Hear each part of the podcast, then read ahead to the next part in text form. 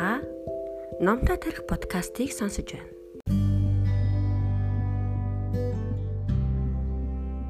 Сургамжит өгүүлбүүдээс нэг эмэгтэй автын ослоор нас орж сүнс нь эрэлгийн элч дээр очиж гин.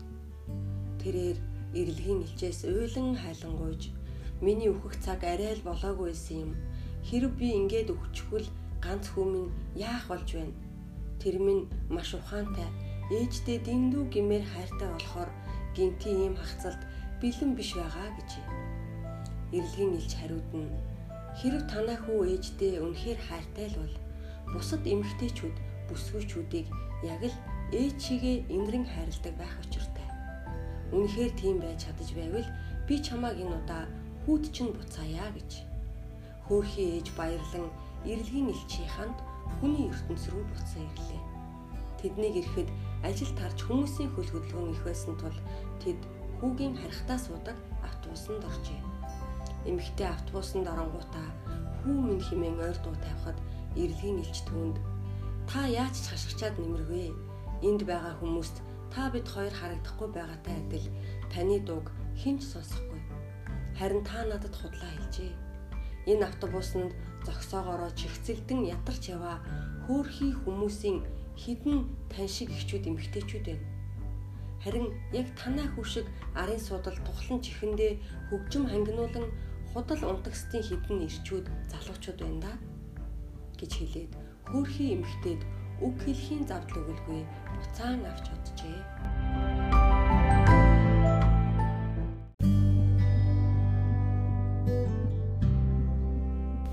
Бяцхан хүү дэлгүүрт орж ирээд хан дөлгөөтэй утсанд хүрэх гэж чармалаа.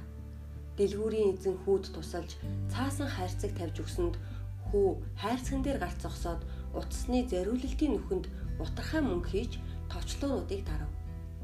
Үйлчлүүлэгчд бараг байхгүй байсан болохоор дэлгүүрийн эзэнд хүүгийн яриа маш тод сонсогдов. Хүү байна уу хчээ би хашааны зүлгийг чинь засчих уу? Надад ажил хэрэгтэй байгаа юм л та гэхэд утасны цаанаас нэг юм хтэй манай зүлгийг маш сайхан застдаг хүн байгаа гэж сонсогдов. Хүү хариуд нь ихчээ би тийм их мөнгө нэхгүй танаа зүлгийг тэгшилдэг хүний авдаг хүсний тал нь л байхад хангалттай. Утасны санаас эмхтэй өөрт нь ажилдаг хүнд сэтгэл хангалуун байдгаа мөн өөр ажилтан авахгүй гэдгээ ч хэлв. Хүүч зөвхөрлөлтгүй үргэлжлүүлж би танаа хашааг хамгийн сайхан цэцэрлэг шиг болгоно бас явган хүний замыг ч гэсэн цэвэрлэн гэж хэлээд мөн л татгалцсан хариулт авлаа хамгийн хачирхалтай нь ийм хариулт аваад уцаа таслахдаа бяцхан хүүгийн царайд инээмсэглэл тодорч байв. Хүүгийн яриаг сонссон дэлгүүрийн эзэн бяцхан хүүг өрөвдөж "Хүү минь надад чам таарах ажил байгаа шүү" гэхэд хүү инээмсэглэнгээ "Үгүй ахаа би аль хэдийн ажилтаа болсон. Гэхдээ өөрийгөө хэр ажилдаж байгааг л шалгах гэсэн юм. Намайг хамгийн сайн гэж боддог учраас би сая уцаар ирсэн ихчтэй л үнчээр ажиллах болно гэхэд дэлгүүрийн эзний нүүрэнд ч мөн инээмсэглэл тодорлоо.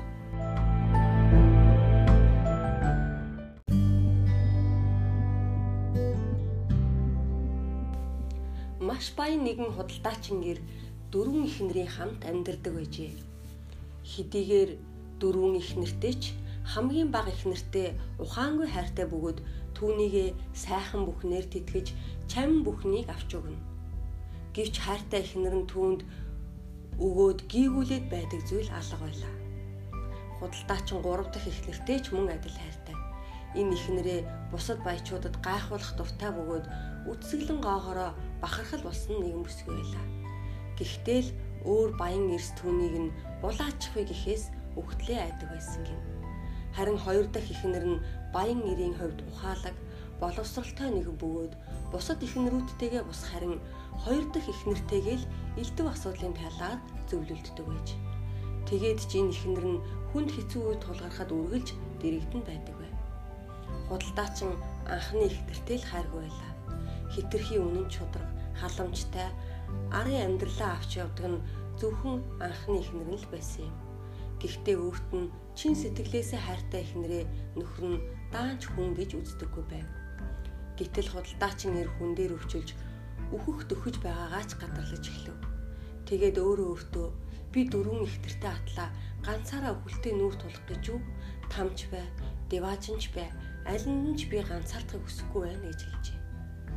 Тэгээд дөрөв дэх ихнэрээ дуудан ирүүлээд би чамдаа хамгаас илүү хайртай байлээ. Бүхий сайхан болгоныг би чамдаа зориулдаг байсан. Гэхдээ одоо миний нас дуусчээ. Чи надтай хамт хойд ертөнцид ч гэсэн хамтдаа байх уу гэж асуулаа. Харин хайртай отхон ихнэр нь түнд хизээч үгүй гэдэг үгнээс өөрийг хэлэлгүй өрөөнөөс гүйх шахам гараад явчих. Түүний энэ үг нөхрийнхэн зүрхийг утгаас ичг шиг л боллоо. Хөгшин нэр 3 дахь ихнэрээ дуудлаа. Чи миний энэ насны бахархал байсан билээ. Одоо надтай хамт өгөж үргэлж цогтой байж чадах уу гэж асуув. Харин гурав дахь эхнэр нь үгүй одоо байгаа амьдрал минь надад таалагдж байна. Би угаасаа чамайг өгөхөд өөр эртээ гэрлэнэ гэж хэлээд гарлаа. Энэ үг нөхрийн сэтгэлийг мөс шиг л хөлдөөж өргөчээ. Хоёр дахь эхнэр орж ирлээ. Эхнэр минь чи бид хоёр зовлон жаргалыг хамтдаа туулж ирсэн билээ. Надтай хамт дээд төв рүү явах уу гэж нөхөр нь асуув. Харин эхнэр нь түүнд хандан аваал нөхөр минь Би чамдаа маш их хайртай. Гэвч намайг уучиж иршүү. Би энэ удаад зовлонгт нь хуваалцаж үл чадна. Гэхдээ чамайг би эцсийн замд тань үдэж өгөх болно гэлээ. Энэ хариулт баян нэрийн сэтгэлийг гонсойлгоо зогсохгүй. Үхэл рүү нь бүрч түлхэж орхих шиг болов. Гэтэл өрөөнд турж эцэж тамир тэнхээ хэдийн барагдсан анхны ихнэр нь орж ирээд би чамаа хизээч орхихгүй би үргэлж чамтай хамт байж хамт өгөх болно гэж хэллээ. Худалдаачин нэр харин энэ үед нулимс туслуулан би чамаага илүү ихээр хайрлах минь ялаа гэд тэрэн авлаа. Үнэн дээр дөрвөн ихнэр бол бидний амьдралын нэгэн хэсгүүд юм. Дөрөв дэх ихнэр бол бидний бие цогцос юм. Бид бие цогцоо яаж ч хайрлаж гойж годоод сайхан харагдуулах гэж хичээсэн ч хизээ нэгэн цагт бие маань биднийг өрхөөд л үлдэнэ. Гурав дахь эхнэр бол бидний хэрэгэм зэрэг эд хөрөнгө цуглуулсан баялаг маань нэлээ. Гэхдээ бид өгөхөд эд баялаг өөрийнх нь нэгнийх болж биднийг орхино. Хоёр дахь эхнэрөө тэр бол бидний анд нөхөд гэр бүлийнхэн маань юм.